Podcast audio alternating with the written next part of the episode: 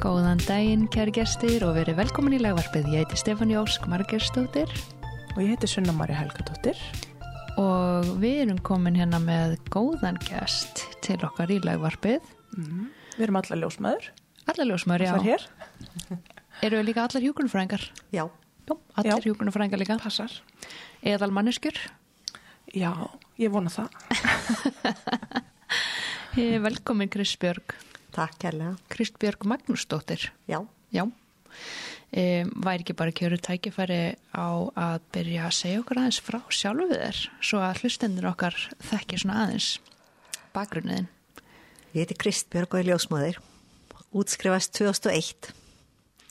Uh, ég var ekkert endilega viss um hvað ég vildi vera þegar ég var hann að rúmlega 20. Og einn daginn fór ég að settast niður með gömlu góðu kennsluskrána á pappir. Svona alveg bók. Og fletti gegn og komst það í það eina sem ég geti hugsað mér að gera sem var þarna. Að, að því ég er svo praktist, ég varð að verða eitthvað. Að það var að verða hjúknarfræðingur og ég myndi alltaf vinna með konur og eða börn. Ok, Var fannst það bara? Ég vissi það strax. Og hef einlega verið bara þar. Ég hef verið neða á barnadildum áður með þegar ég var í hjúknarnáminu. Ég var á Gjörgjastlinn í Fossvægi eitt sömar sem er góður undirbúningur undir allar akut aðstöðna sem ljósmærlendi. Og svo vann ég á barnadild og svo sængvennadild í ár áðan ég fór í ljósmærnámið. Þannig ég vissi alltaf ég erði þarna. Æði. Þetta hefur verið köllun bara fyrir þig.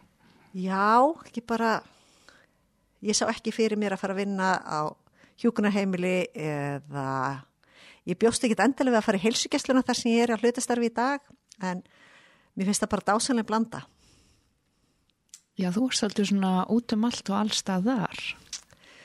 Ég er svona þykist alltaf að fara að fælka hérna vinnuveitundum með vinnustöðum en ég er náttúrulega búin að vera vinna við heimafæðingar frá 2005, heima þjónustu frá 2003, vera núna fimm ára heilskjöslun höfða í hlutastarfi í maðuravend sem er óbúslega góður bakkjarl þegar maður er í heimafæðingunum. Þá get ég tekið konunnar í upphæði meðgungu í maðuravend, verið með þar allan tíman og haft það bakmann sem býr í heilsugjörslunni fyrir utan það að frábæran vinnust á vinnufélaga. Já, núna er líka að mynda þessa svo kallu samfellu sem að öllum ljósmaðurum dreymir alltaf um. Og ég hef í mjög langa tíma tekið einhverja vitjan alltaf í ungbundavendinni fyrir þær og svo er ég að fara að prófa núna í fyrsta skipti að taka nýju vikna vitjaninnar eða skoðaninnar þegar þær koma og tala við mömmuna sem ég verið að fara til í vitjanir eftir. Þannig að það verður mjög gaman að prófa það. Æðislegt. Þú ert alltaf eitthvað að bæta við þig og prófa nýtt. Alltaf. Eiliðar stúdent. Já, já, alltaf eitthvað og við erum alltaf komið með líka leihálsgeminannar svo, svo gaman að þegar þær konur jáfnvel þetta óvart inn á borð hjá manni bara núna síðasta haust, það var einmitt einn sem kom og ég bara, ég sé þig áður ég syndi í óvæntri heimafæðingu fyrir 13 árum síðan þannig að heimurinn er skemmtilega lítill og maður á einmitt bara að lifa og njóta fyrir daginn í dag Já, heimurinn á Íslandi er allavega skemmtilega lítill en þú ert búin að fara, þú ert búin að aðeins að stekka sjóndeldaringiðin upp á síðkast eða ekki? Jú, ég fór, í fyrsta skipti fór ég erlendist og tókum matnið hausti 2016 og búin að fara nokkrum sinnum, fyrst svona sem traveling midwife, svo fór ég í janúar fyrir rúma ári í fyrsta skipti að heimsækja ljósmur í Pennsylvania sem vinnur mikið með amisfólkið. Ég hitt hana fyrst fyrir rúmum tíu árum á ráðstefnu og þá kynntist eiginlega meira ljósmur sem var að vinna með henni og ég sagði alltaf, ég ætla að koma eitthvað tíðan og fá að vera með ykkur eitthvað tíma. Svo liði tæp tíu ár og ég loksins létt verða af því. Og því miður var hún hætti sem að, var hann úti sem að ég hafði ætlað að reyna að fá að vinna með líka. Hún var orðin veik af krabbameini og hún dó síðasta sumar. En ég náði að hitta hana bæði janúar og mars þegar ég fór út. Þannig að það var mjög gott að fá að í rauninni hverði hana. Er hætti þess að ljósmaður sem er að vinna með Amis fólkinu? e, þetta, hún, já, hún er að vara að vinna með því en hún var alltaf að vinna með ljósmur sem heiti Diane. Þær voru partnerar í næstu í 20 ár. Ok, ok. Og hvar Hvar hérna hafa, voru þessar konur að starfa og eru þar að starfa? Í Lancaster í Pennsylvania, það er stærsta amisbyggð í bandaríkjónum, er í Lancaster, ég held að sé rúmlega 50.000 amis einstaklingar sem búa þar. Ok, og er þetta bara svona, bara svo set, stilla okkur aðeins inn í, þú veist, hvernig þetta svona lítur út í, eh, þú veist, já, hvernig þetta svona myndi presentera sig, er þetta allir á sama blætt, 50, er þetta samfélag, er þetta víð og dreif, er langast þetta bara amisfólk? Nei, Lancaster County er bara stór, er í, Pens, í sunnanverði Pennsylvania og þetta er bara svona svæði það er amisfólkið býr ekkert endilega nálátt hvort öðru en það saminast í það sem við kallum kirkjur og ein kirkja inni heldur kannski hátt í 200 manns að þeir hafa heimakirkju. Og það er annan hvert sunnudag er nánast skildu kirkjusókn. Og þá býðuru heim til þín fólkin í kirkjuninni þannig að það eru svefnerbyggin sem eru ofta á aðalhæðinni eru mjög oft með vegg sem er hægt að brjóta saman. Þá er þetta að opna inn í svefnerbyggið og þá er bara rúmin færið í burtu og þá bara opnað allt heimilið þeir eru ekki með mikið af húsgögnum. Það er ofta eitt gott borstöðuborð til að borða við. Eitt góðu sófi og nokkri stólar. Eða heimilin eru misstór. Uh, og þeir, já, þeir búa hugsanlega, þú veist, mörg hús nálat hvort öðru, en ekkert endilega. Það getur verið sko amisfólk hér og svo venjulegt fólk næstu þremur húsum og svo aftur amis og það, þetta snýst svolítið um að hvert lítið samfélag saminast um eitt skóla og það er svona one room schoolhouse þannig að þau eru alls saman í einni skólastofu fyrsti til áttundi bekkur. Já, allur aldurinn líka saman. Já. Vá. Og það er hérna, og þetta þarf að vera í göngufæri. Þannig að þeir eru reynin ennþá fleiri skólanir heldur en hérna kirkjurnar. Já, því þeir nota ekki bíla eða hvernig það? Nei, þeir nota sko. Þeir ferðast náttúrulega oft gangandi eða sérstökum hlaupahjólum eða nota mikið hestvagn, hest og hestvagn sem kalla my team. Þannig að þegar konunum mæti maðuravend þá mæta þær stundum I brought my team. Það þýðir þær koma á hestvagnir með einn hest fyrir framann. Og svo einni notar mikið að láta keira sig í bílum. Þeir panta hérna uh, bíl, bíl með bílstjóra. I came with a driver today, segja þær. Þeir að koma í bíl. Er maðuravendin, er hún uh, hlut af uh, hef, hefbundur hilsugæslu eða er það innan samfélagsins? Ljósmæður sinna yfirleitt maðuravend fyrir amis. Þeir vilja yfirleitt miklu frekar ljósmæður heldur en leknafð. Það er langt flestar eru fættar heima og kynnslöðnar undan það fæðist heima. Þeir þykja heilsu, heil, heilbriðstjónustu innan sjúkrósum þegar þarf. Það er reyna að fá ljósmaður, það er reyndar gífilegur skortur á ljósmaðurum á þessu svæði. Þannig að uh, þú getur eiginlega tekið eins marga konur og þú vilt auðvitað ljósmaður á svæðinu. Því það vantar brjálæðislega mikið. Og þeim hefur fjölgað, mér skilst að amis fólki á þessum slóðum fjölgi, þeir tvöfaldi sig á 20 árum. Ok. Já, það er svona háð á hennar barnegna tíðnin. Mikil frjósimi og þær eru ætla að sé ekki ofta eiga 6-8 börn. Og er það svona rétt sem að maður um, heyrir og maður kannski hefur lært bara gegnum einhverja þætti og svona að einmitt fólk, fólk amisfólk aðhylst ekki getnaðvarnir eða neitt slíkt og, og svona eða hver er þín upplöfun af því?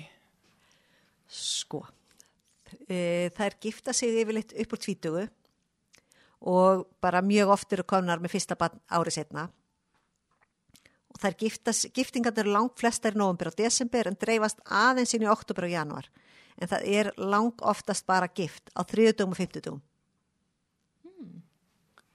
Ok og heima hjá foreldrum brúðarinnar og mér skilst að brúðhjónin búi yfirleitt þar fyrstu mánuðina áður en þau flytja sitt eigið húsnæði eða þar sem þau leia. Ég skynja að þetta sé svona nokkuð trúað samfélag eða mjög trúað, þetta byggist kannski bara á trú heilt yfir eða Já, það gerir það. og að uh, er það rétt skili hjá mér að það er ekkert samlíf fyrir en eftir uh, giftingu? Ekkert kynlíf fyrir en eftir giftingu. Reyndar þá fá þau áður en þau skýra sig inn í kirkuna sem að þau oft gera millir 18 og 19 skilst mér eftir 16 ára þá fara þau oft sem kallast svona römspringa. Það er að þau meiga fara og úti í samfélagið. Uh, einn sem ég hitti sem að var að vinna aðeins sem dræver eins og er kallað okkur svona the English að hún sagði að hún er mitt fórið daginn og var að skuttla þremur amis ungum stúlkum eða ungum konum í meðalanis í moll og út um allt og einhver var að kaupa sér hælaskó. Og svo veit hún það að hún sagði ég nenni nú ekki að vera meira með ykkur í dag þannig að þær fundu sér annan dræver að því þær voru búin að fara að skoða ykkur að stráka og voru að fara eitthvað um kvöldu og voru þá með venjuleg föt með sér. Ok, En þetta má áður en að þú sko skýrist inn í kirkuna og ef þú yfirgefur kirkuna þarna áður en þú skýrist inn að þá máttu hafa samband við fjölskylduna þína og búa utan samfélagsins. En ef þú hefur verið skýrður inn og ferð eftir það að þá ertu útskufaður, smánaður, sjöning. eru margir sem fara út Fyrir þá ennan uh, tímapunkt þegar þú skýrir inn í kirkuna. Mér skilst að, kannski 10% og svo er eitthvað fólk sem fer setna. Ég kynntist að minnstakosti tveimur konum sem voru í mæðravend og fættu hjá okkur sem að voru emitt höfðu verið amis og yfirgefið amis. En þá megar ekki hafa samband við fjölskylduna og það er gífulega erfitt. En þær halda áfram að við lifa þessu einfalda lífi þó þær yfirgefið amis. það, hérna, já, fyrir ekki Og amis einfalda lífi það snýst um þetta, við erum ekki, þeir nota ákveði ramag, þeir eru margir með sólaraflöður, þeir hlaða mikið svona 18, 12 og 18 volta batteri og það er notað til að vera með ljós inn á heimilinu, e, þeir eru með gasískápa, þeir eru með hálf sjálfvirkar þvottavélar sem eiginlega eru með svona, þetta sé ekki eitthvað svona díselmótor. E, þær vilja ekki vera tengdar inn á raforku kerfið. Þær, þeir eru með síma en yfirleitt í síma klefum sem eru þá svona litir klefar, það getur jáfnvel verið 1-2 kilometrar þangað. Oft er það þannig að það er einhverja fjölskyldu sem að deila síma eða það er með síman út í hlöðu. En það er í rauninni hver biskup yfir hverju kirkju sem að, og eða hérna, hvað maður að segja, öldungaráði í kirkjunni sem að stjórnar því hvernig og hver mikið þú mátt fara út fyrir einfalda lífið. Eh, Þeir geta gefið leifi ef að þú ert með business til að vera með síma á verkstæðinu. En það er rosalega mikið notuð hérna, þú skilur bara eftir hljóðskilabóð. Þú ringir í fólk og skilur eftir skilabóð og það hugsanlega ringir tilbaka eða sendir skilabóð tilbaka. Með niðurstur og blóðpröfu þú yfirleitt ringir, já, heyrðu þetta hérna Kristbjörg Ljósmóðir, blóðpröfaðin var eh, ekki alveg nógu góð, það er ágætt að fara að taka játn og kannski hvernig, hvernig á að taka játn og hvaða játn og maður skilur eftir svona skilabóð. Mér fannst það einlega skrýtnast í byrjun. Og mæðravendin var yfirleitt á þriðudöfum og miðugudöfum og við gáttum ekkert fara að ringi konundur og endurskipulagt að það var einhver í fæðingu. Heldur báðum við þar þá yfirleitt til að koma til okkar þar sem vorum með mæðravendina, svona hálgjert fæðingarhús. Við megum ekki kalla það fæðingarheimili en þær gáttu fættar að því þá vildum við þær kemi til okkar að því það var einfaldar fyrir okkur að vera með fæðingar þar heldur en að senda ljósmaður eitthvað út í bæ.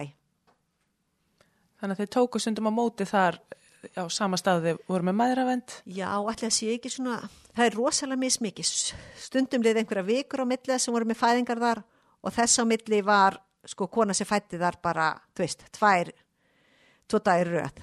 ég veit síðasta sömar voru það ekkert hjá með fimm, nánast fimm fæðingar í einu og einhverjum rúmum tveim sólarringum hana.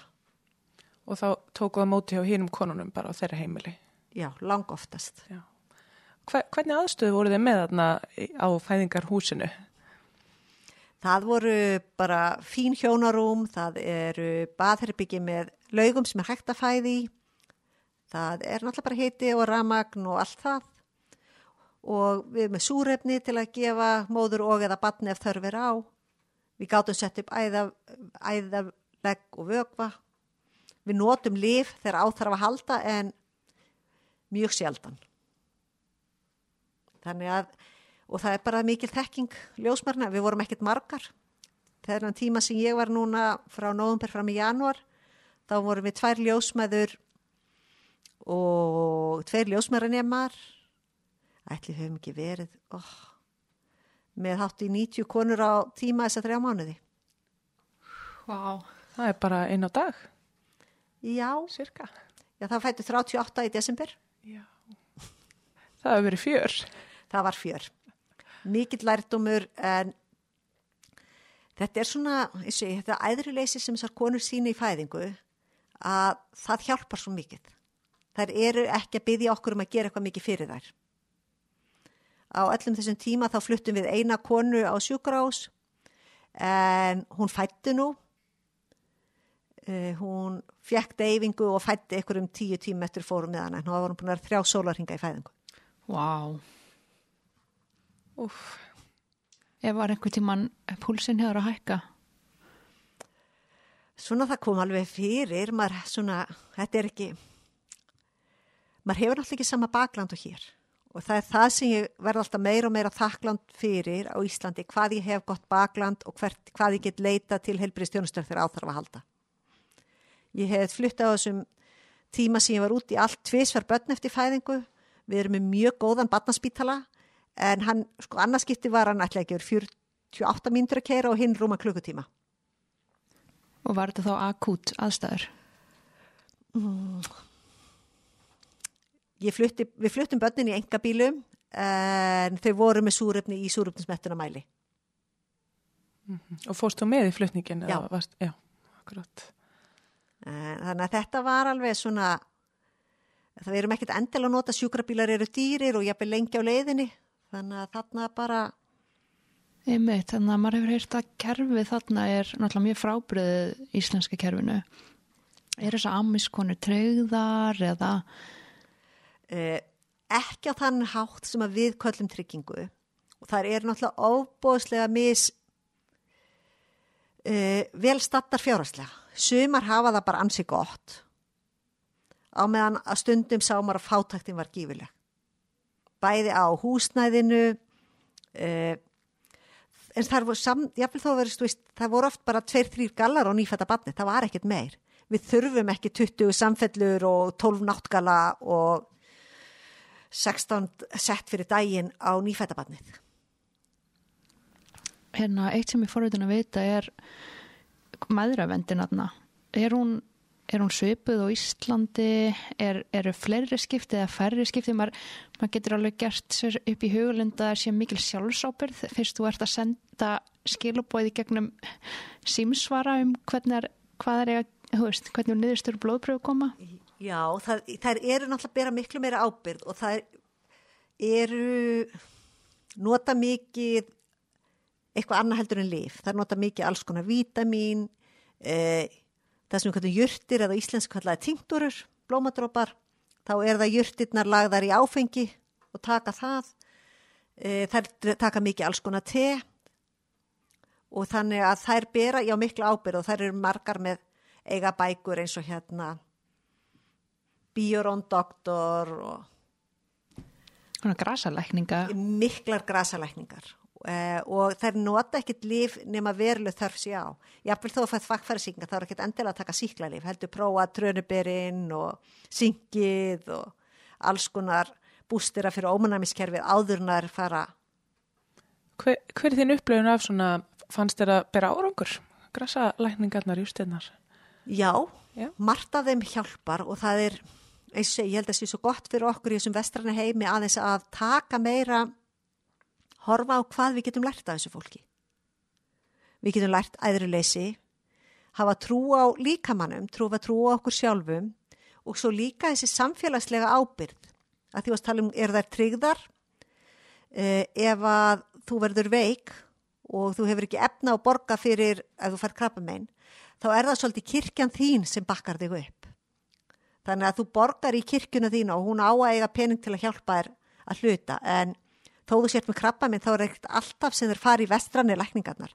Þeir leita ofta að fara, láta keira sig eða fara með lest eða rútu til Mexiko, leita lækninga þar. Það er svona, lækningatúrismin er gífurlega mikill í Mexiko, maður hafði aldrei átta sig á því að það væri eitthvað svona sem væri gert.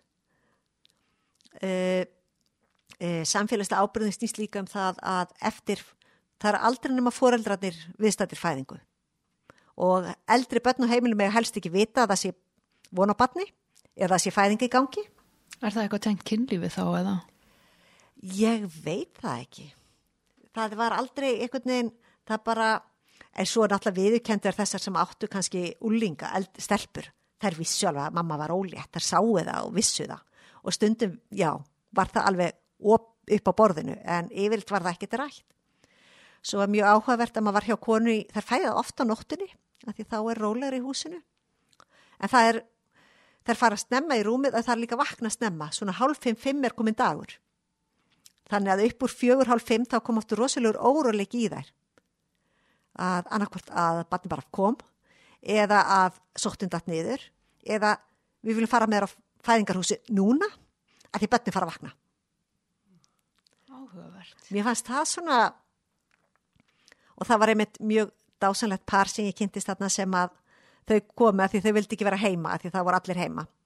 Var, fyrst, var að eiga held ég badnumir 8 eða 9 það hefði verið nýjunda badn og hún hérna var að fyrst skipta nota þessa ljósmóður og hafði áður verið að fara að fæðingarheimil alltaf að koma að þanga, svo kom hún svo voru þau búin að vera einhverju klukkutíma datt allt niður og endan fóru þau bara heim aftur. Svo hérna rúmi sólarring setna þá ringjaði og bara konti bara heim og það voru ekki alveg allir farnir rúmi þannig að mér var einlega laumað inn í svefnerbyggi og svo var ljósmörnum laumað inn í svefnerbyggi líka. Svo fættum þarna bara dásenlega heimafæðingu kvöldi það sem var ekki það sem hún sá fyrir sér en það voru alls sæl með þessa fæðingu og sögðu bara að það hefur náttúrulega bónus að það hefur búin að hitta mig eða svona miklum tíma með mér daginn áður þegar hún held að hún var í fæðingu Eitt sem þetta er spyrja er af því að hérna, batsfæðingi er greinlega og að vera batshafandi er svona ekkert mikið rætt er, það, er mikið lítill hljóðmyndun í fæðingu hjá þeim? Mjög lítill það er náttúrulega ein og ein sem heyrist í en yfirleitt bara í hljóði. Það er byggja bænirna sínar í hljóði, það er yfirleitt fæða í hljóði og það er aldrei nokkur maður þarna sem ég fann að var að reyna að segja mér frá trúni sinni eða hvernig er trú eða hvernig er tilbyggja Guð. Svolítið svona persónulegt fólk svona Já, það held þessu prívat. fyrir sjálft sig. Svo var ég ekkert henni í fæðingu og hún var svona aðeins, bara tók svona, var, var í rólegum gangi þegar við komum og það var mjög krútlegt að ég rakst á eitthvað svona blað frá kirkjunu þeirra og það var einmitt bara tekið fram þessi og þessir mættu ekki í messu þennan sunnudag þessir mættu þessir eru búin að tilkynna alltaf að gifta sig þannig að það var svona en þetta var ekkit endilega rætt en svo var einn sem ég var að hitti og yfirleitt svona mjög fljótlega. Þegar komið sexvikna eru flest börnin farin að vera í hérna svona amis kjólunum ég spurði eitthvað tíman eina. Og sagði að það fer aðeins eftir kirkjum. Kirkjan sem ég er í er miklu opnari. Þar meðum við vera bara með því venjulegum fötum, þú veist. Að einsás stelpunar er og strákunar er líka bara í kjólunum upp að einsás þeir að fara að ganga meira Hvernig eru þessir amis kjólar eða sérstök amis klæði? uh, ef við horfum bara á hverju meðveitna klæðast, það er klæðast kjó, einföldum kjólum, einlitum.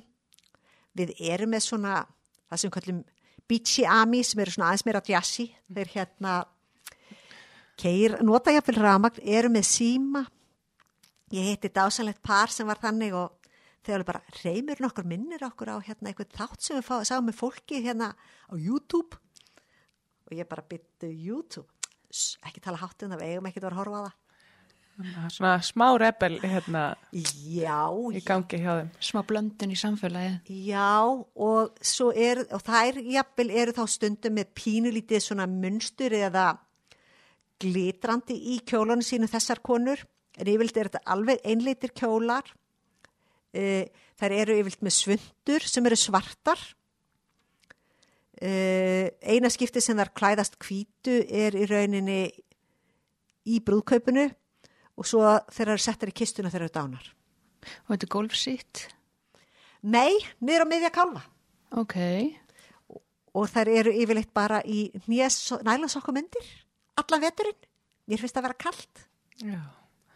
Og það er náttúrulega ekki verið að mála sig eða, þú veist, eitthvað. Engin skartgripir, ekkert að mála sig, ekki að raka sig, engin öll hár fá bara að vera óhreyfð á líkamannum, hvort sem það heitir augabrúnir, undir höndum, fótleggjum, allstaðar. Hérna hár, er einhver sérstak hárgreðsla? Maður er með þá ímynd. ímynd. Þær eru allar með nákvæmlega sömu hárgræsluna.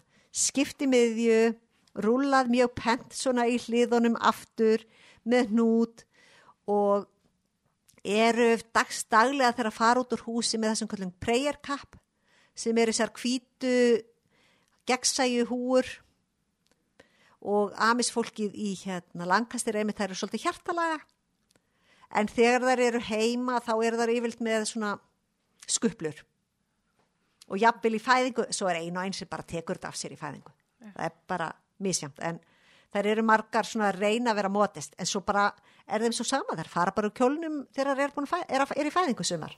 Ok, er, er batsfæðing, er það gleðefni, er það hluta dælu lífinu hjá þessu, hjá amisfólki?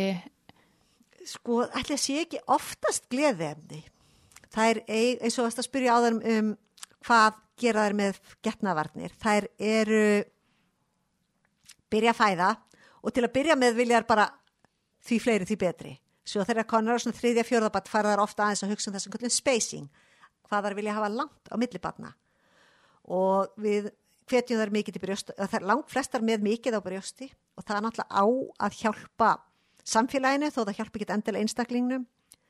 E, þær eru ef þær óska eftir þá eru þær frættar um, hvað líka minn hérna hvaða merkjan sýnir um að maður sé frjór hvort sem það er slímið í hérna legöngunum hún selur hérna líkansittamæla sem eru svona nákvæmir til að mæla grunn hitan í líkamann til að fylgjast með eglósi sumar eru tilbúinar til að nota smokka við getum útlegað þeim hérna hettur og sæðistripandi krem, krem ef þarf annars er það ekki í sölu í bandaríkjanum Má það svona á yfirborðinu? Eða er þetta eitthvað sem er gert í laumi?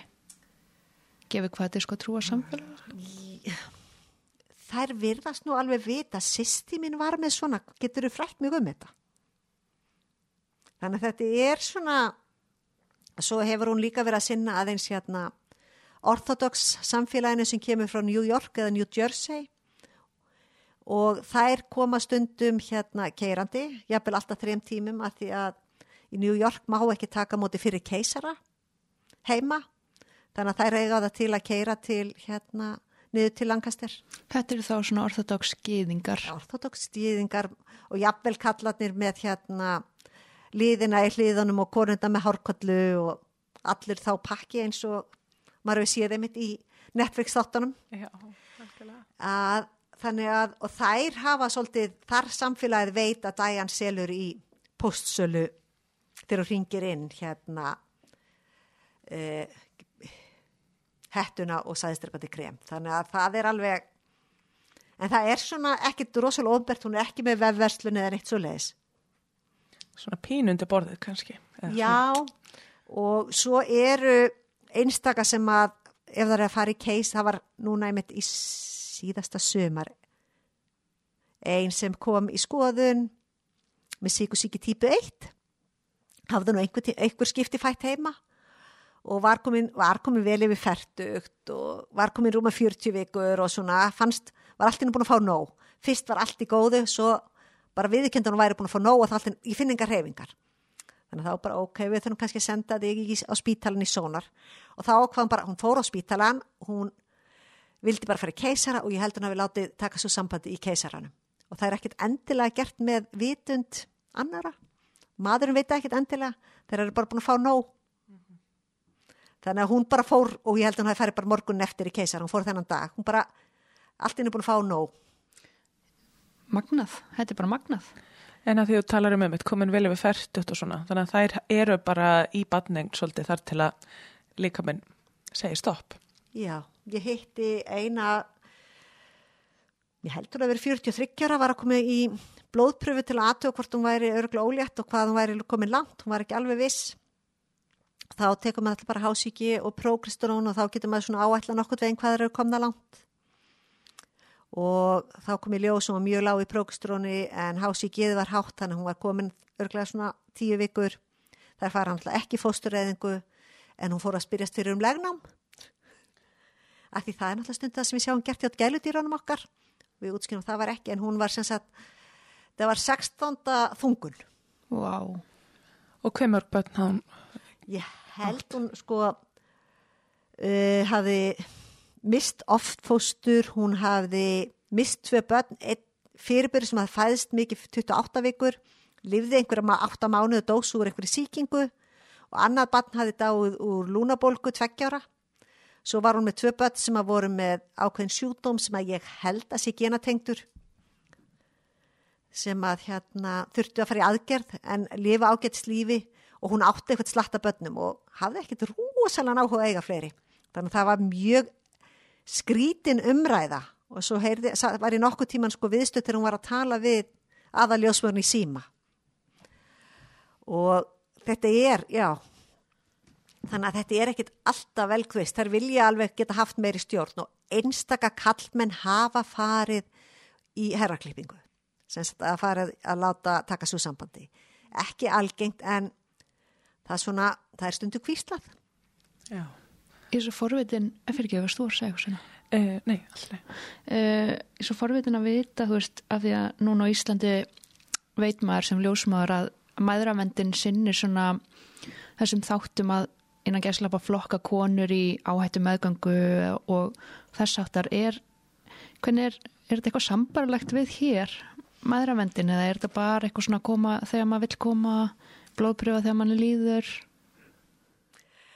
Þetta er alls konar. Uh, við, maður sá það að það voru, var ákveðið fæðingarheimili þarna sem var með Certified Nurse Midwives.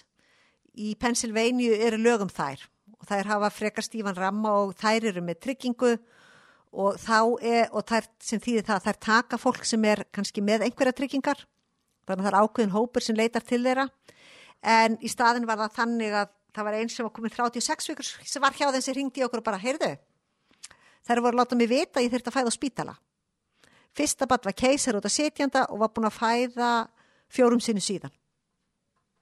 Og ég meina, kona sem búin að fæða fjóru sinnum, að hún getur fætt, þó hún hafi verið búin að fara einu sinni í keisara.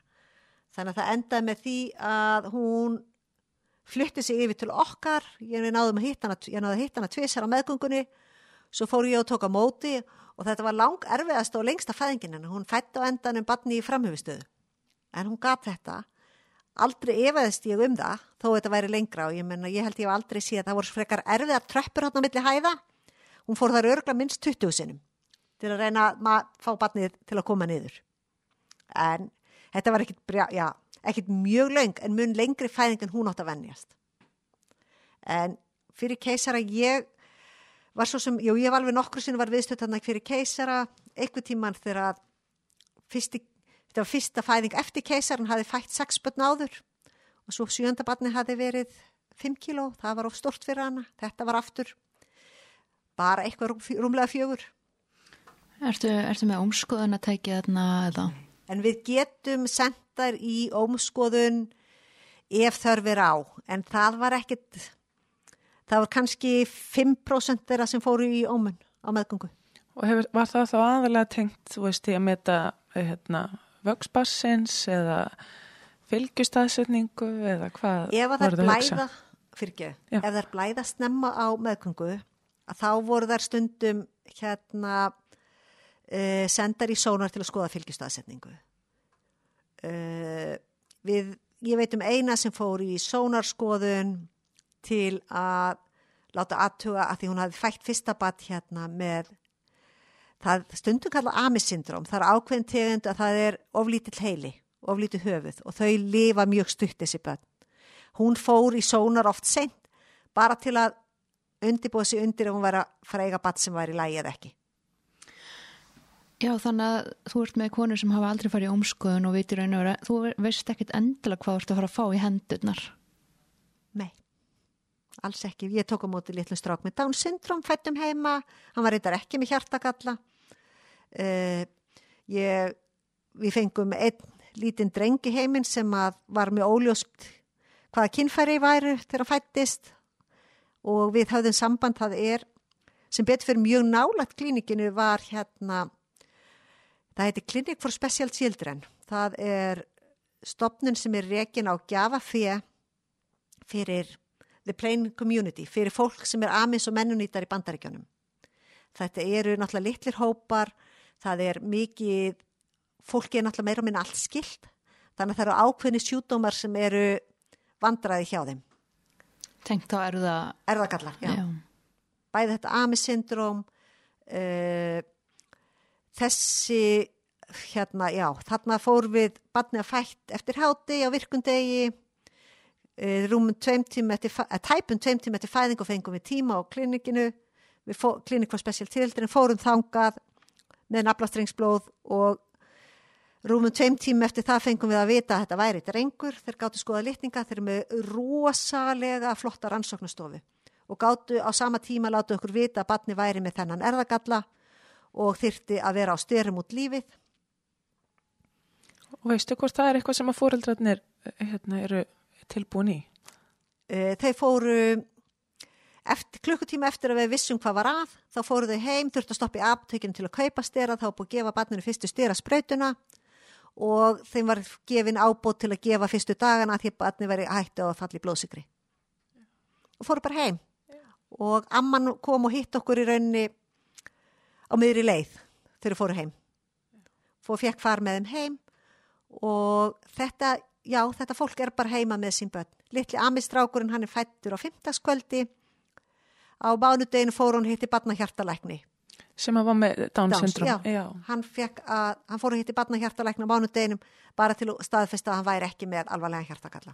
En eins og hérna til dæmis fæðingar sem að við hérna samkvæmt svona okkar verklegu í Íslandi myndum ráðleika að fæða á sjúkrahúsi eins og ef að barnir í sitjandastöðu eða kannski eh, tvíburafæðingar sástu eitthvað svo?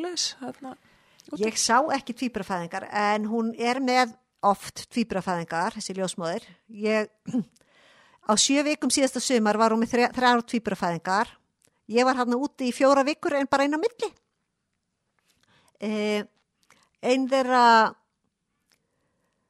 leitaði til hennar, var búin að vera að fæða öll sín börn þar. Ég held þetta að það hefði verið nýjund og tíunda barn og ég, það voru tvíbura sem ég uppgöttaði við 21 viku um vorið. Eh, hún fætti sína tvíbura og hún þá, ef okkur gruna tvíbura þá sendum við þar yfirleitt í sónar.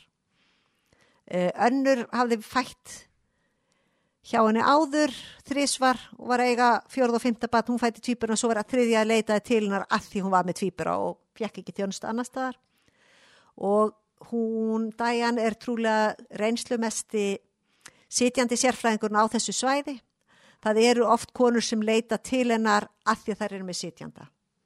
Einn sem ég hitti sem að fyrstu tvöpöld voru sitjandar, sitjandafæðingar og hún fór í keisar, svo hún við, vona þriðabarninu og hún bara, ég ætla að fæða og hún fætti þá 3, 4, 5, 6 og 7 af þeim voru öll nema eitt sitjandar og hún bara með leg sem að var með e, svona það sem við kallum uh, hjartalaga leg þannig að börnin yfirleitt komið sér fyrir sitjanda og hann er fannst fæðingin með barni höfustuði bara miklu erfiðari heldur en hinnar Já, maður hefur heyrt það. Já, þannig að þetta er hún bara, já það var einmitt hérna, stuttu að nýja kom út aftur síðasta haust, það var einmitt frumbyrja sem greindist með sitjanda í fæðingu. Og það var bara verið heima. Maður fær bara auka fleiri hendur á staðin mm -hmm. Og það er, þessar ljósmaður eru bara hafa, hafa ofta áður verið þessum aðstæðum og eru örgar með sig. Þessi ljósmaður, já, hún er með mjög mikla reynslu af sitjandi fæðingum. Á meðan að eins og ég segi hinn, ég hitti tvær konur sem hefði verið á þessu klíniki hjá þar sem sörtufætt nörsmittvæs voru og tvær þeirra hefði verið fluttar í fæðingu með sitjanda. Ég er svona forvitin að vita því að núna á Íslandi fáum við kannski íslensku ljósmarinn ekki lengur að upplifa þessar hérna miklu fjölbyrjur. Þessar konur sem að fæða 7, 8, 9 börn. Hvernig, og maður hefur heyrt að að svona, þessi hræðsla meðal bara alvarlega bræðinga eftir því sem að maður á fleiri börn er það bara einhver góðsögn eða mikið að blæðingum hjá konu sem eru að eignast sín svona áttin að fara upp í tíunda barn? Eh, Fyrstu tvær fæðingarna sem ég, þar sem ég tók á mötu börnum að núti voru tíundu börn þannig að ég svo sem hérna á Íslandi hafi tekið á móti upp í nýjunda barn og mér hefur, ég hef einhvern veginn aldrei upplegað þetta eitthvað aukna hætt á blæðingu. En ég áttaði mig á því hérna úti að þær fæða aðeins öðru vísi. Þessa miklu fjölburjur. Já, þær eru lengur að matla og eins og þessi appel fara ekkert í virkafæðingu fyrir mátta og það er hluti af því að kviðvekkurinn oft orðin svolítið Átti í útvikun Já, þær fara ekkert í virkafæðingu fyrir mátti útvikun þær eru oft sko það er kviðvekkurinn er fann að gefa sig þannig að það er það liggur oft svo langt fram badnið þannig að maður þarf svolítið að hjálpa að lifta badninu upp að þá kemur það í heiminn. Og einmitt eins svona síðan með hún var í, fór í baðið og var kannski fyrsta skiptið hérna fætti fyrsta skiptið í baði og hún það gekk eitthvað þú veist, hún fann hún þurfti að reymbast en samt verður eitthvað ekkert að gerast. Og ég lifti aðeins bara undir badnið og það liður kannski þrjár myndi þá batni komið. Þá liftur þau undir kúluna í rauninni. Já, þú ert að setja það ofin í grindina. Já. Akkurat. Það er því að kannski, já, hviðvegurinn er ekki að gefa mikið hald einhvern veginn. Já, það er, já, þegar þú ert komin hann þá er þetta einmitt algengt og þessi ljósmöð sem ég var með, hún vildi helst aldrei gera belgjarof og við bara, já. Er það út af hægna bara svo miklu hægt að nafnastrængsframfalla því að það er svo mikið pláss, þarna? Trúlega og já, bara hún hefur mikla trú. Og það er svolítið merkilegt þegar maður sér fær konunda sem að vera hjá öðrum ljósmaðurum og það er bara, það er alltaf þurft að gera belgjarof. Og ég man eftir annari sem sagði þetta og, þarna, og þá settum við hérna prófa, sendi þýttu mannin mann kannar geti lift undir bumbuna? Hann lift undir bumbuna og vatni fór og tveim hríðum setna var barni fætt. Þannig við viljum miklu frekar að móður náttúra gera það sem hún kann og getur til þess að hjálpa þessum börnum í heiminn. En að því að einmitt, þetta hljóman er svo að þetta sé, fá alltaf vera svolítið svona hafa sinn gang og eðlilegt ferli hjá þessum konum. Hvernig til dæmis er, er týðkast að veita svona spángastuðning eins og við þekkjum hérna hjá okkur, er verið að losa um belgi þegar konur eru komnur á tíma og orðna þreyttar. Eða er þetta allt bara svolítið svona... Spángarstuðningur, já, mikið. Það eru það er mjög lítið um alveg rifur. Bara ég sá aldrei alvarlega rifu. Hvað sér, spangastöningu mjög mikið? Mikið, já, mikið stöðningur það er fæða mjög margar á fjórum fótum upp í rúmi. Eh, eða fæðingastólum eh, það er það er ekkit endilega sauma jafnvel þó að sé annara gráður rifa. Wow. þá er bara góðin að sagt bara taka því rólega, vera með fæturna saman og ekki fara, já, fyrstu dagana. Og svo skoðar hún yfirlt flestar eftir sex vikum eftir fæðingu yfirlt allt er þetta að vera vel fallega gróin og með því að um, því spurðuðu mæðravendin áðan uh, þær eru jafn misjafnar og þær eru margar. Ég man eftir einni sem að, ég held að hann hafa komið 17 sinum í mæðravend hún vildi bara koma að snemma upp að við þurftum að fyrir að vilgjast með að allt verið eins og það átt að vera, hafði áður mist fóstur snemma, var með áhyggjur og svo enda hann með að ganga 43 vikur með við blæðingar. Þannig að hún var búin að koma svolítið ofta í lokinu var bara með áhyggjur. Gekk mjög vel, dásenlega fæðingar sem ég fekk að taka á móti. Og svo eru margar þegar komnar í 7. og 8. batna. Það er, það er koma kannski fyrst skipt í maðurskónu svona 31 viku og ná að koma þrísar. Og það er bara því að þær veit þetta bara gengur vel eða hefur gengið vel eða? Já, það, er, það finnst ekki svona. Ég man eftir einni sem að hafði ekki panta tíma aftur og svo var ég bara, en býtu, hún er ekki búin að koma svo lengi og hún er veist komið 41 og halva viku. Viljum ekki bara hérna, þannig við send, ringdum, skildum þetta skilaboð og hún ringdi tilbaka og fekk tíma og við losum um Belgi og hún fætti morgunin eftir. Já. Fyrir ekki að við erum alltaf svona úr einu í annað, við erum svo marga spurningar. Alltaf þú segir okkur sögu þá kemur ný Já, spurning. ég veit það, ég er búin að skrifa það niður hjá mig fullt af spurningum. En það er bara því að einmitt, þú talar um 43 árveikur og svona og maður er alltaf bara með í huga eftir allar sögurnar svona það sem við þekkjum af, af svona okkar verklagi hérna frá Íslandi og svona að er einmitt, fannst, fannst þér marga konur ganga fram með þessar 42 vikur sem við oft með við hér eða var verið að stressa sig á, á meðgöngulengdini? Ekki endilega vera að stressa sig. Uh, það fór náttúrulega rosalega eftir konunum sjálfum. Uh, það voru einmitt fjör, 41 vika þótti bara eðlilegt. Við vorum ekki, það var ekkit mikið verið, jú, það var alveg bóðið upp og losum belgi eftir það ef þörf var á. Við vorum ekkit mikið að skima fyrir meðgöngu síkusíki en við vissum alveg að sumar konur voru með hana. Ef það hefði átt mjög stór börna þá fengur bara fræðslu um mataræði en voru ekkit endilega alls ekkit að mæla blóðsíkurinn samt. Uh, það eru svona margir, já, margt sem að það gera öðru vísi og eins og í dagjan tók einmitt þessar konur sem að einmitt falla út fyrir.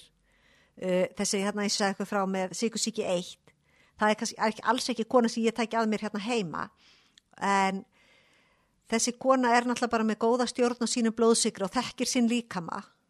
Og hún hefur náttúrulega valið.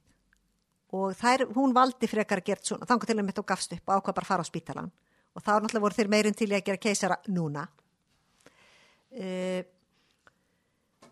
Það er eins og ég segi, ég held að ef að þörfar á þá var náttúrulega farið á sjúkrós ég var ein kona veit ég um síðasta sömar sem fekk mjög alvarlega rifu sem þurfti að fara með á sjúkrahús. Þá kom í ljós eftir á hún var mörglum eitthvað skonar galla, hún hefði lekið hægðum í mörg þetta var fyrsta barn, hefði lekið hægðum bara frá úlingsárum en það var aldrei talað um það. Það var svona algjör tapu það voru hérna uh, eins og við fluttum eina konu í mænurottdeyfingu þær fluttu síðasta haust eina sem að hérna í ke keisara þegar frumbýra sem búin að reyma, rempast í meiri þrjá tíma og það var engi framgangur.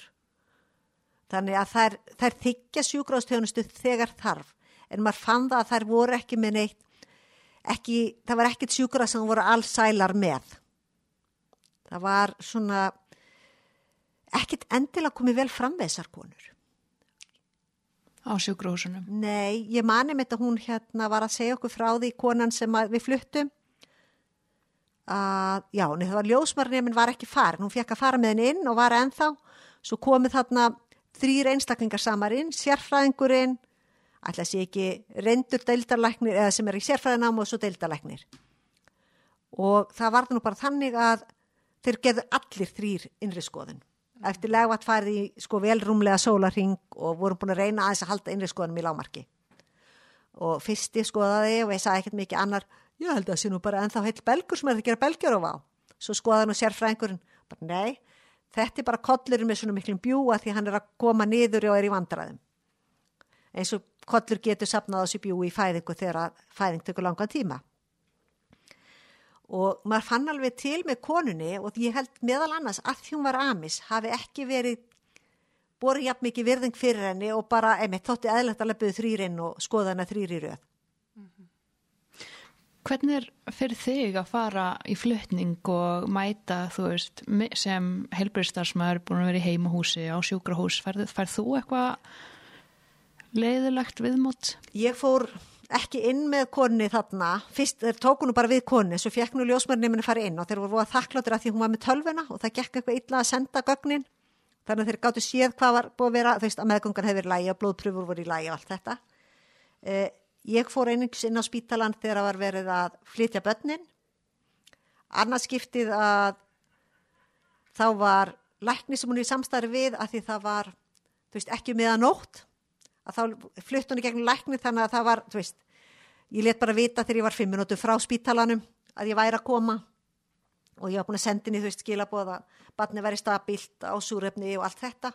Og þá byðu bara eftir henni, þú veist, hitakassin nýra á bráðumötöku barna og hjúkunarfræðingur og alltaf ekki segir hjúkunarfræðingar frá vökudildinni eða sem að komi niður og tóka móti barninu og setja það í kassan og fóru með það Hittskipti var þetta flutningur um miðan nótt, þannig að við vorum bara búin að, að ringja undan okkur, en þær áttu vona á okkur, barnið sem að þóldi ekki vera án súröfnis og við þurftum að snúa við að því að súröfnistarkurinn eitt var virkað ekki og þurftum að snúa við og sóttum annan og vorum sem betur fyrir ekki langt frá. En við vildum frekar fá í þess að tefnilega 50 mínuna leið að vera með nóg súröfni og við letum um til vita, ég barninu líður ekki vel án súröfnis og þá er mettunin þetta lág en það er fínt með þannig að þegar við komum inn á spítalan þá tókum 13 manns á bót okkur. Allir í svona gulum pappirs sloppum með maska og og tók, og við fengum að vera, þú veist, við, það var mjög krúllett að hinn ljósmann sem var með mér, hún hjælt á barninu með maskan á andlitinu og ég hérna uh, hjælt á súrunistankirum og löpuði með barnið inn og vorum örglæðin inn í hátt í hálftíma meðan verið að vera aðtökult barnið verið stabilt og það var mjög stabilt en það var mjög fallega tekið á mót okkur og allt annað viðhorfheldur en maður hefur lesið um. Og þarna var einmitt svona þegar barni var stabilt og allt var komið gott af allt enn í spurðan hana. og hvað getið sagt okkur um fæðinguna og hvað? Og einmitt og það eini mann sem að hýrn ljósmann sá alltaf svo eini sem bætti við já og lagvatni var tært. En barni var ekki fulla 37 vikur þannig að það þurfti bara stuðning út af því. Já, þau eru líka með fyrirbura. Já, hún sinnir alveg aðeins fyrir Við eigum ekkert sérstaklega að gera það en amisfólki getur kosið að vera heima og þá er bara flutti eftir þarf og þá vilja ég að þá bara barnið sér flutti en að mamman þurfi ekki að færa á sjúkrósi.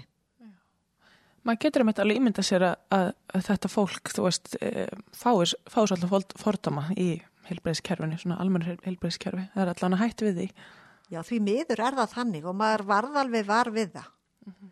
e, þetta er upp til hópa indislegt fólk e, það giftir sig út og það er ekki hægt að skilja og maður er náttúrulega komst að því það er konur þarna líka með vandamála eins og annar staðar en miklu, miklu, miklu færri það kom fyrir að mér hitti konur sem voru á gæðilifim en það var mjög óalgengt mm -hmm. e, og svo áttað með á því maðuravendinni við vorum meðal ekki að spyrja hvernig um liði heldur finnur fyrir þessu og þessu og þessu og þessu.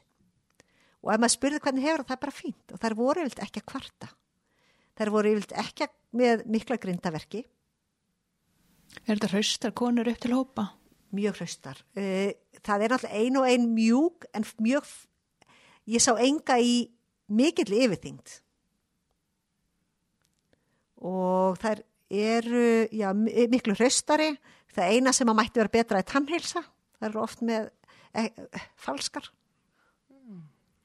Að því þeir það sem þær kalla amistentist er eitthvað sem dregur úr því tennur. Já. Þannig að maður, maður heyrir að kannski á þessum lýsingum að það, það líka eru svona, getur maður ímyndað sér, færri svona áunin helsafarsvandræði sem að við erum ofta að sjá kannski í vestrænum heimi, þú veist, á meðgöngu, að þú veist, við sjáum mjög mikið af konum í, í yfirþyngd og einmitt margir á gæðlifum eða hvað sem er, að það kannski er í svona þessum einfalda einfaldar lífstíl sem að þær lifa þá er kannski minna um þessi vandamál. Já og svo er eins merkilegt að horfa á með skjaldkirtilina því við alveg leitum að því þegar þörf er á tökum, og við tökum mikið af blóðpröfum bæði til að, eins og segi, í byrjun oft til að fylgjast með HCG því það gefur okkur vísbendinga hvað eru að komna langt ef það eru ekki vissar. Það er náttúrulega verða oft bassamandi án þess að hafa haft blæðingar eftir síðasta bann uh, og með skjaldkirtilina þá taka þær stundum bæði það var kalla armor. Það er svona, það þarf samt lífseðil en þetta er á ekki að hafa eins mikil áhrif á að slökka skjaldkittinum eins og almenn skjaldkittslif ég hef ekki almenna náða að skilja hvað þetta er en þetta eru smargar sem tóku þetta og þetta skjaldkittsblóðpröfunar jafna sig þannig að þetta er mjög áhugavert og hún mikið fylgist með prókistróni og sittur konur á prókistrón stíla til að minga líkur á hvort spæði fóstulátum og fyrirbærafæðingum. Það er svona mjög mísjönd hvað fólki finnst um það og hvaða skoðanir og hvað rannsóknir sína en þessi ljósmar hafði allan að gífulega trú á því.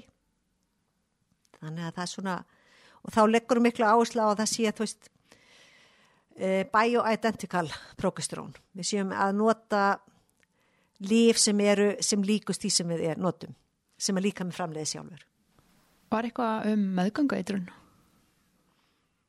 Ég, við, ég sá aldrei neina með meðgöngu eitrun, ég sá eina með mjög háan blóðþristing sem að við ná, náðum að lækka fyrir fæðingu aðeins með hérna, einmitt, með te, með, ákveð, með ákveðnum jurtum sem að drukkið oft á dag og ákveðnum bætiefnum sem að styrkja og hjálpa blóðþristingnum aðeins niður.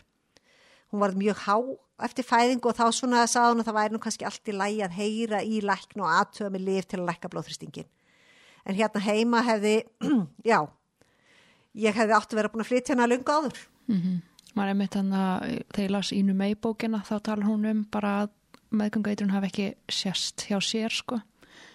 Ég held að kom alveg fyrir þó að ég hef ekki séð að þá, veist, þá dróðum við einstöku sinnum blóðpröfur til aðtjóða. Ég er svona, mist þetta áhugast að vita því að núna ertu, er, eru amiskonar eignast svona rosalega mörg börn.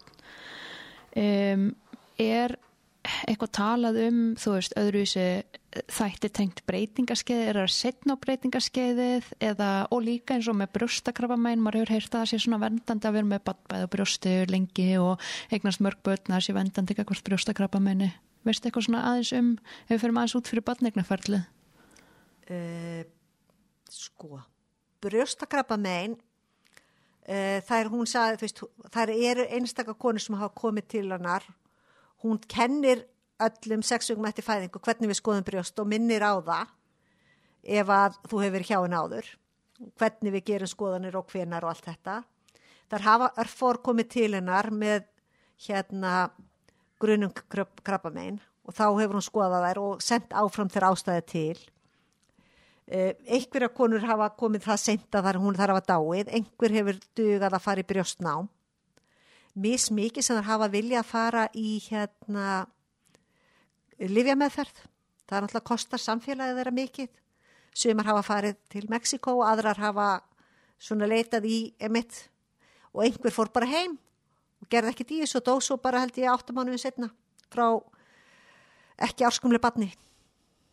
Ah. Þannig að þetta er... Það er alls konar bara. Það er alls konar breytingaskeiði, það eru einhverja sem koma til hennar til að fá aðstóð, hún hjálpar líka fólki bæði sem að það á í vandrað meðverða og á hérna, breytingaskeiði til að fá það sem við köllum svona kitt til að taka munvasíni til að skoða hvernig hormónin þín eru.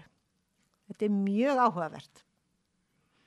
E, svo er, já það er koma, hún tekur alveg konur í konsult það var einmitt einhver sem var með leksig sem að kom og var búin að hitta lækni og þá var hún búin að fá svona ring til að hjálpa sem að passa ekki rétt. Þannig hún var að segja að þú ætti að fara og fá okkur til að finna með fyrir þig svona ring sem ætti að hætta þér betur.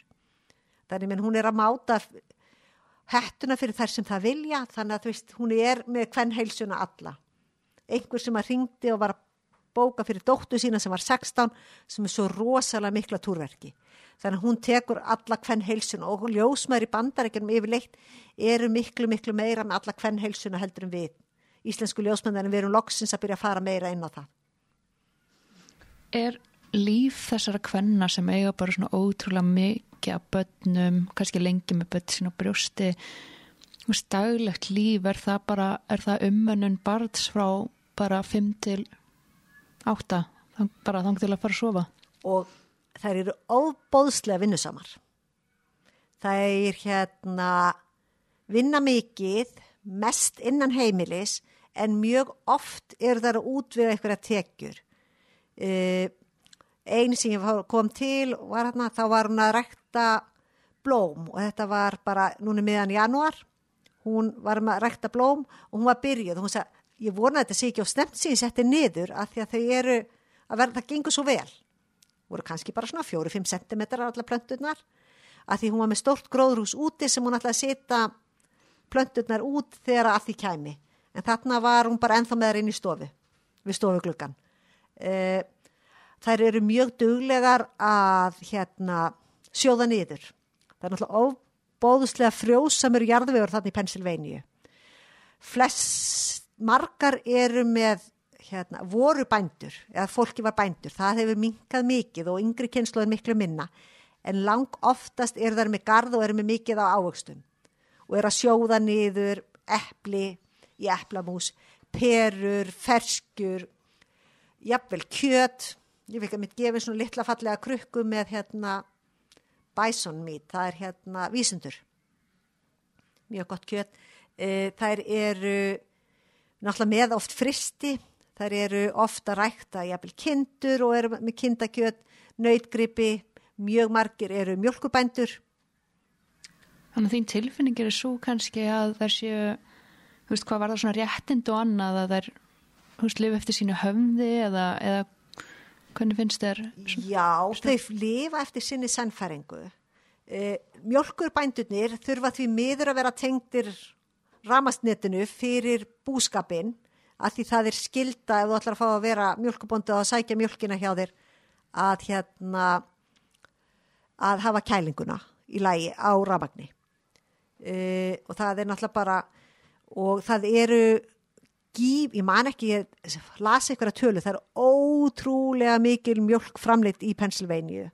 Það er, og þetta fólk mikið býr til sína eigin osta sitt eigin jógurt og kefir og maður fer í mér finnst ótrúlega gaman að fara í amisbúðurnar og þar jafnvel, þú veist, í kælinu skoðaði maður, já, hér eru ostagerlar fyrir þennan ost, þennan ost, þennan ost, kotasæluna, jógurtina og bara selt sko í um, fullt af því út í búð. Þannig að það er svolítið sjálfbarni í rauninni. Þetta, já, þið vilja vera eins sjálfbær og hægt er. Það er sauma öll sín fött sjálfar og því við glemdum að klára umræðinu föttin, það er nota ekki sko kallafötin eru það er notuð það er svartar buksur, svartur jakki og hérna skirturnar eru alltaf einlitar heilurlitur. Þeir eru nú yfirleitt alltaf með tölur og hérna axlabönd fest með tölum við buksurnar og litlu strákundir eru með eins ég held að þeir eigi kvítaskirtu fyrir sunnudaga. Það er talað um að korundar eigi sko sunnudagskjól, hverstagskjól og eitt vara. Já. þannig að svo eru hérna, en korundar eru stundum með smellur en mjög oft eru þar bara með títuprjóna til að loka svunduna, nei hérna skirtuna framann og svundan er festakjólin með títuprjónum. Já, þetta hljóma bara svona eins og eitt stort ferðala til fortíðar í rauninni í svona bændasamfélag eitthvað Þegar ég hérna elsti sonu minn kom í heimsókt þá dró ég hann og svona samt til að kynna hann fyr, fyrir svona Amis sem heit Amis House and Farm. Og þar var einmitt orðaðan þetta svo rosalega vel samverðunum sem lappaði með okkur í gegn að þeir búið með annan fótinn í fortíðinni og hinn á deginum í dag. Þeir búa í fortíðinni varðandi alla þessa sjálfbarni vinnusemi eða ekkert að vera með símana og ekki sjónvarp og ekki útvarp. En stundin kemst tónlist inn á heimilinni gegnum þeirra með klukkur sem að spila lag á heila tímanum. Og svo með hérna fótinn í nútíðinni er meira að þeir eru farnir að nota meira ekki bara amisbúðirnar heldur þá áttur það til að hitta þá í Target eða, hinn, eða sérstaklega eins og fyrir utan Costco er hérna sér svona svona opin stæði með þaki fyrir hestvagnana.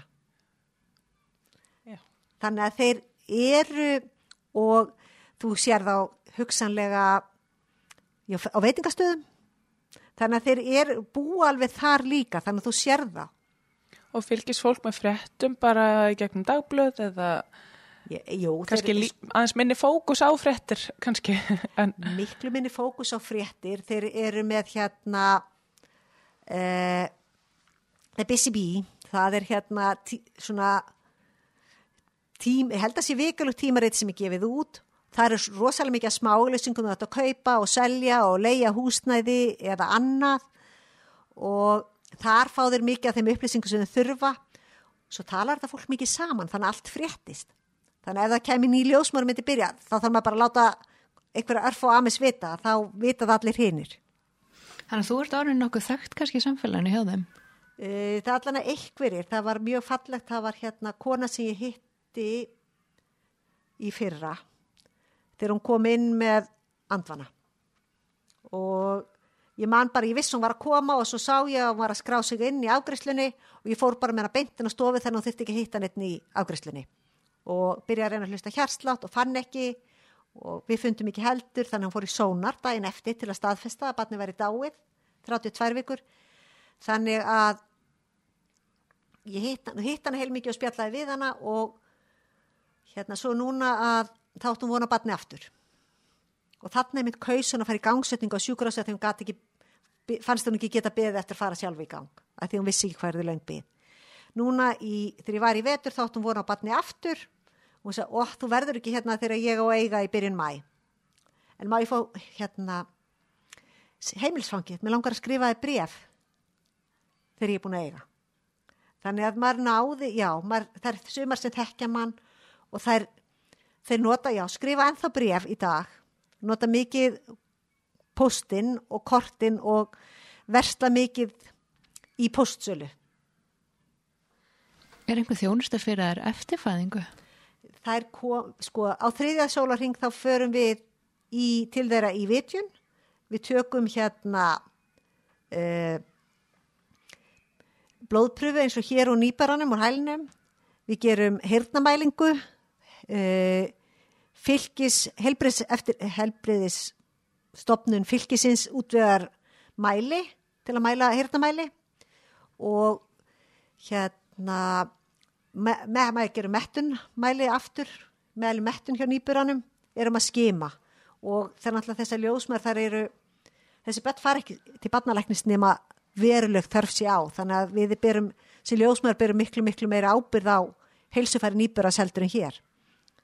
Og svo ef þær kjósa þar geta þær komið í tveggja vikna skoðun ef fessar með flestar með fyrsta batt koma og þær koma allar í sexveikna skoðun. Þá er bæði móður og batt skoðað og... Þannig að engin brjóst ekki af aðstóð eða? Við eftir strax eftir fæðingu og fyrstu þrjá, á þriðja degi Já. og ef það er eitthvað alveg sérsta þá koma þeir auka eða við einstakar sinnum fórum til þeirra en það vantar brjóstar áðgjafa tilfinnilega á þetta svæði. Ok, það er sem sagt myndast oft kannski einhver svona vandamál tengt brjóstakjöf eða? Já, það kom alveg fyrir og bara í, þú veist, alls konar vandamál. Og það, við gátum hjálpa þeim mikið, ég sá nánast aldrei sárarvörtur. En svo er náttúrulega það sem er samfélagið kemur. E, foreldarnir eru einir í fæðingu. Fljótlega eftir að batn og helst fylgja er fætt, þá kemur ég vilt amma. Hún er kannski ekki, já hún er mislengi stundum bara einhverja tvo sólarhinga stundum lengur en hún er yfirlt með einhverja hjálpmóðurinn í alltaf fjóra til sex vikur. Stundum er það eldstu dætunar á heimilinu þeir er alltaf að klára skóla 14 ára er að klára 8. bekk og er hérna uh, eru þá heima að hjálpa til uh, sýstur konunar koma ef það er ekki með lítil nýfætt börn uh, það er einhver eða jafnvel hired help það sé þá einhver sem er borga fyrir að koma. Af því það er náttúrulega þarf að halda áfram að elda. Það þarf að halda áfram að halda heimilinu gangandi. Þetta er náttúrulega svo stór heimiloft. E, Já, og það var mjög krútlegt ekkert sem fór ég í vorum við í fæðingu og hún var búin að fæða og pappin bara, heiði nú komið dagur klukkan er, held ég bara hálf sex að mótni eða eitthvað, má ég fara út núna að sinna? Það var örgli byrjun ágúst, það var þurfti bara að sinna hann var að rækta svo mikið ávöxtum græmiti, hann þurfti að fara út að bara sinna því, má ég fara núna? Viltu nú ekki býða þetta að fylgja hann fæðist?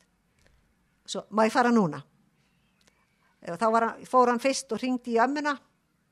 Amman kom. Það konur oft mjög slittnar orðnar, sko það lítu til að miklu eldri.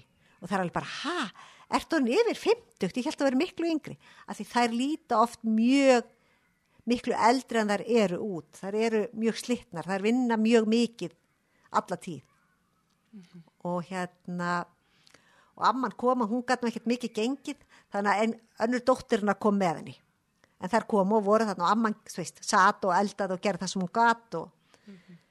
en það er alltaf einhver, það er þetta náttúrulega þessi fallega samfélagslega ábyrð þetta it takes a village to raise a baby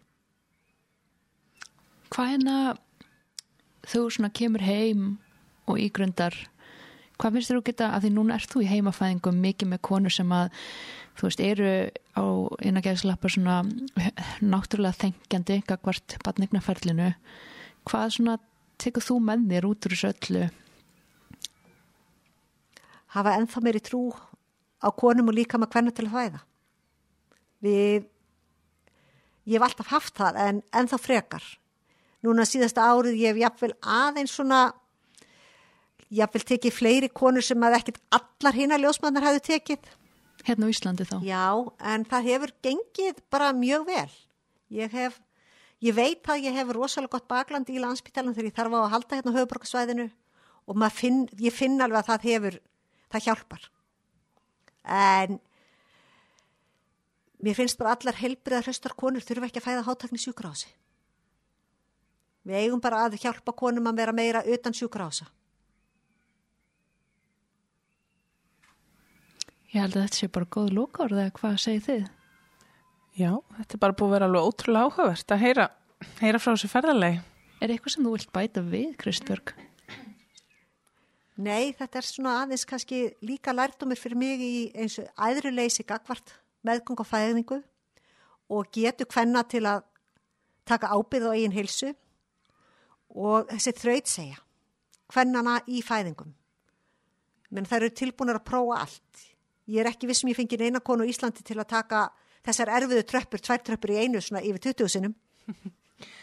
Já, það er kannski, einmitt, við erum að reyna að ljúka og svo er maður alltaf með einhverja pælingu að því að við höfum talað við aðrar íslenska ljósmaður sem hafa farið út í heim og er að vinna hérna í aðstæðum sem eru kannski frábröðin, einmitt, því sem við þekkjum hér og þá finnst mér oft sko, maður heyra að hinn fæðandi kona er oft umkringt hérna reyndari konum í fjölskyldinni, veist, það er amma og sýstur og annað sem að stiðja náttúrulega vel en hérna segir okkur að þetta er yfirleitt bara parið sem er saman eða fóreldrarnir Þannig að hérna, eru konundar bara mjög sjálf, sjálfur sér nægar eitthvað neginn í fæðingunni og eins og þú segir það er fæða bara svolítið hljóðlótar, það er hafa trú eða ert þú að koma með hugmyndir og, og svona. Já, það er makin að spila rosa stóru hlutverki. Það fyrir rosalega eftir parinu. Oftast er það samt hannig að er sko mjög mikið nota pappan, haldi hendina honum, hann hjálpar þeim með heitt og þetta en þegar að hlutinir er ekki að ganga hratt og vel þá erum við all, með alls konar innleg og prófum ímislegt. Eins og tröppugangin, fræga. Tröppugangin og já, lifta undir og já, ímislegt og bara allt það sem ég hef lært hefur reynst mér vel og ef með þetta að hvað við getum gert til þess að og það er þess að konur hér þessar sem hefur verið svo vissar að vilja fæða heima þó það séu langdregnar erfiðar fæðingar sem hafa undirbúið mig best undir þetta verkefni. Hér á Íslandi? Já. Hvað geta íslenska ljósumar lært eða hvað finnst þér Ísland bara yfir höfu geta lært af þinnir einslu? Þraut sig, leifa móðu náttúr að gera það sem hún kann og getur. Ekkert belgerúf. Já, eh, heldur þú farir aftur út? Ekkert endilega þarna en ég fer aftur eitthvað og ég er að fara að heimsækja fæðingarheimil í næstu viku í Kaliforníu þannig að það er svona akkurat hinn endin á þessu eppli hana. Mm -hmm. Þessu stóra eppli? Já við bara þurfum að fá þig örglega einhvern tíman aftur og tala um eitthvað meira. Er, þú hefur svo mörgur skemmtilega að segja, Grísbjörg. Takk kærlega. Já, takk kærlega fyrir að koma.